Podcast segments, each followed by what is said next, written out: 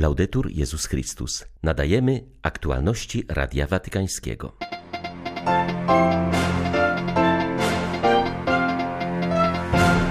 Dziś w liturgiczne wspomnienie Matki Bożej z Lourdes Kościół obchodzi Światowy Dzień Chorego.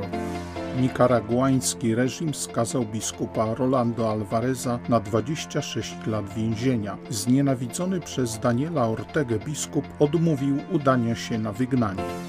Przed dziesięciu laty Benedykt XVI zrezygnował z pełnienia posługi Piotrowej. On nie uciekł przed wilkami, ale jako człowiek wielkiej wiary zrezygnował z powodu miłości do Kościoła. Przypomina profesor Giovanni Maria Wian. 11 lutego witają Państwa ksiądz Krzysztof Ołdakowski i ksiądz Tomasz Matyka. Zapraszamy na serwis informacyjny.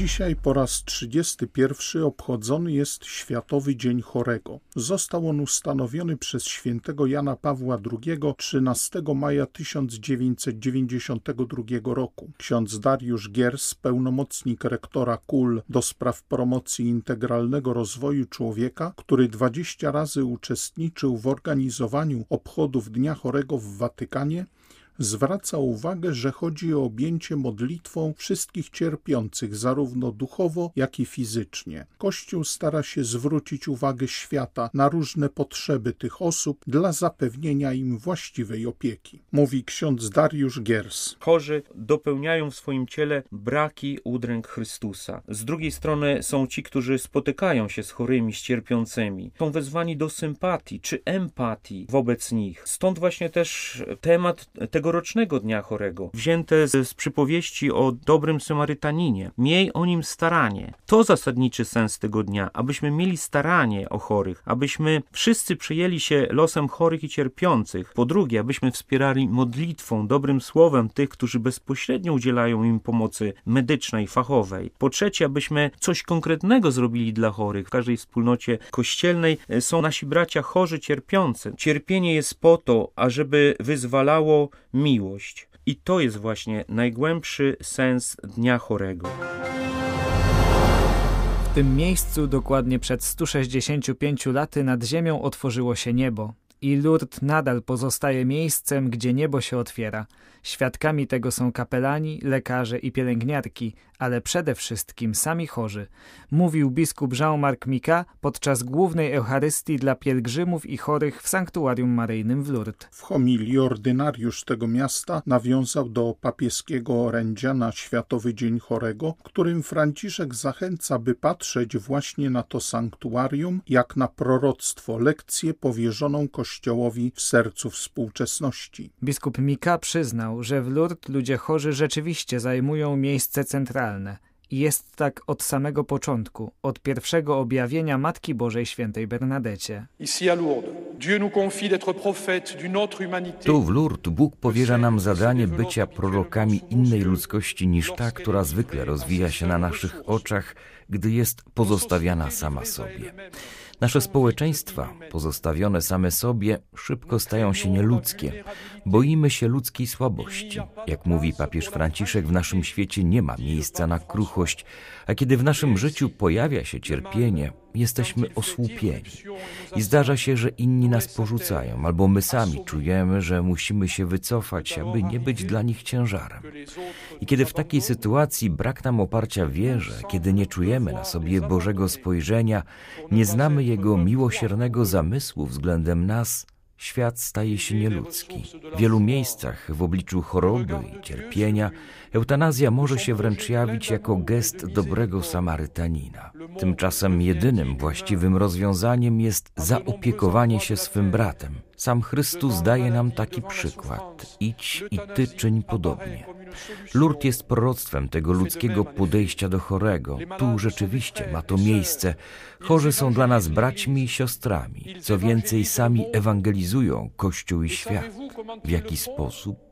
tak jak Maryja w grocie Masabiel, przez swój uśmiech, poprzez swą radość.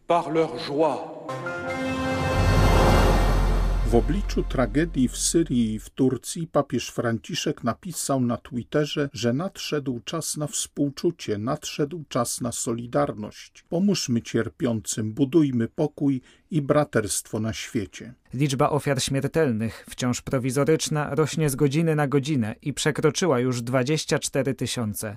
Ratownicy pracują dzień i noc, szukając oznak życia wśród gruzów zburzonych budynków. Istnieje obawa, że prawdziwa liczba zmarłych w wyniku katastrofy jest znacznie wyższa niż obecne szacunki. W Turcji do tej pory spod gruzów wydobyto żywych ponad 9 tysięcy osób.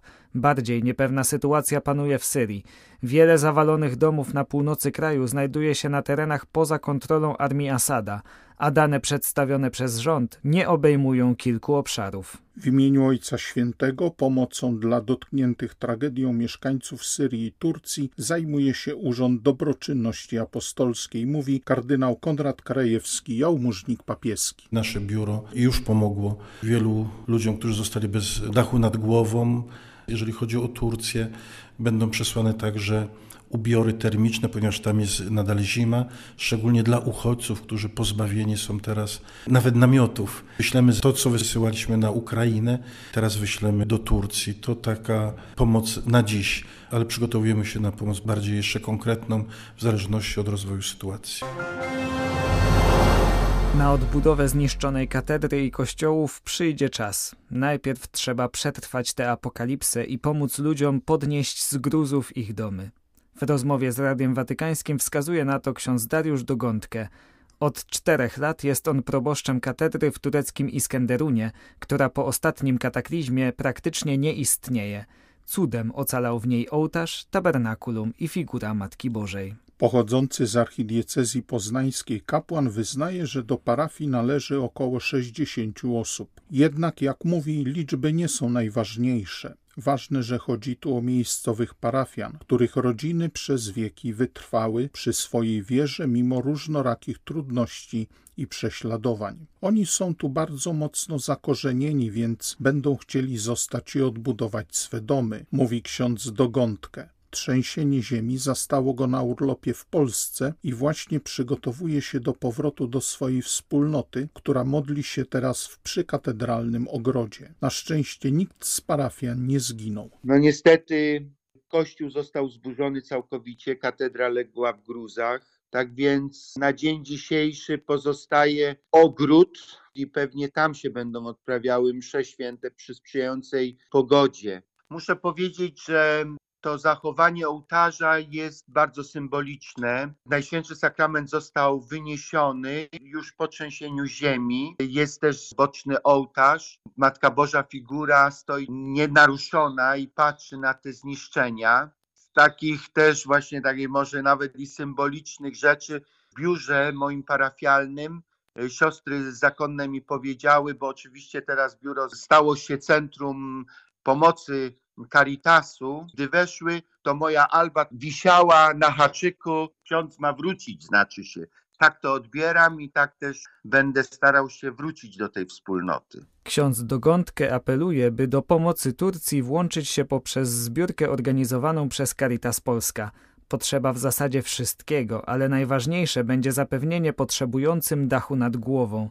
Ludzie są najważniejsi, mówi kapłan z Iskenderunu. Odbudowa to nie tylko odbudowa katedry, ale właśnie odbudowa parafii, która będzie dotyczyła wspólnoty. W chwilach próby, szczególnie w chorobie, jest takie tureckie życzenie Geçmiş olsun, to znaczy niech będzie już przeszłością, niech będzie poza nami, oby zmieniło się na lepsze, oby ta sprawa trzęsienia ziemi jak najszybciej stała się dla nas wszystkich przeszłością.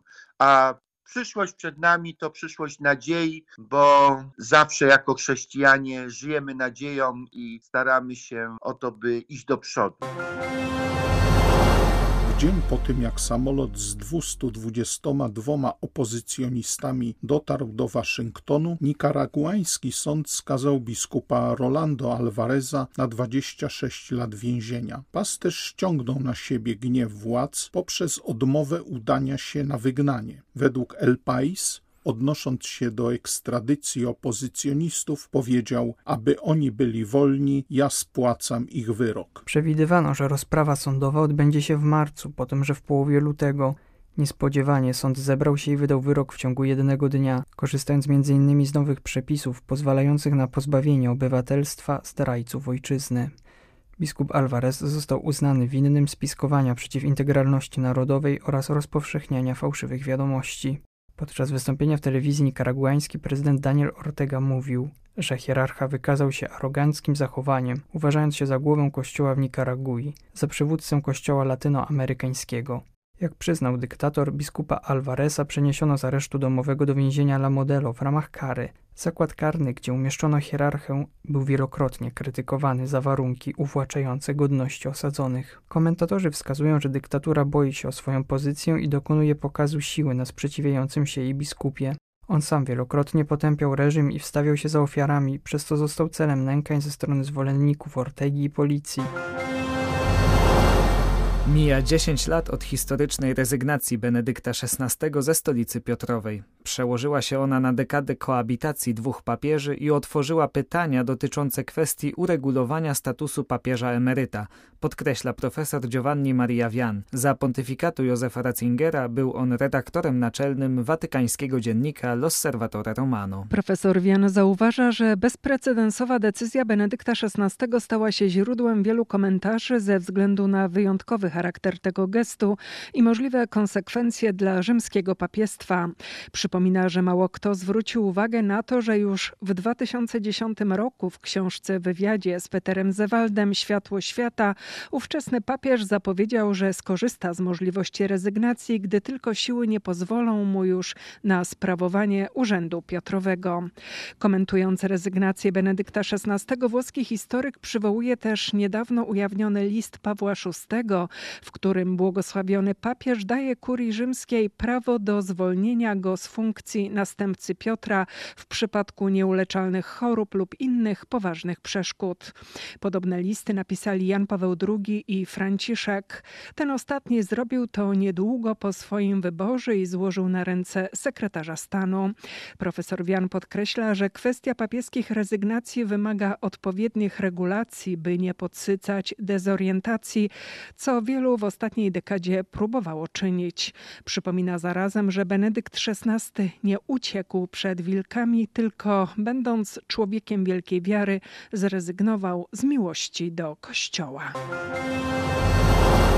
Nie mogę w pełni moralnie ocenić prośby prezydenta o wsparcie zbrojeniowe, ale nie mamy jak się bronić bez broni, wskazywał arcybiskup Światosław Szewczuk. Hierarcha mówił o sytuacji na Ukrainie podczas seminarium zorganizowanego przez papieskie stowarzyszenie Pomoc Kościołowi w Potrzebie 8 lutego. Podkreślił, że jego rodacy muszą walczyć, aby w ogóle przetrwać w obliczu rosyjskiej inwazji. Na tym samym spotkaniu arcybiskup Wiswalda Skulbokas, nuncjusz apostolski na Ukrainie, zauważył dwie kwestie, które trzeba równocześnie brać pod uwagę.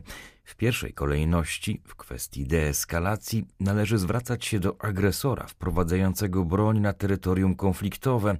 Po drugie, istnieje prawo do samoobrony, przy czym należy zawsze dbać o proporcjonalne jego stosowanie. Nuncjusz zauważył także wzrost używania języka ukraińskiego, między innymi na wschodzie kraju, stanowiący naturalną reakcję na drastyczną inwazję.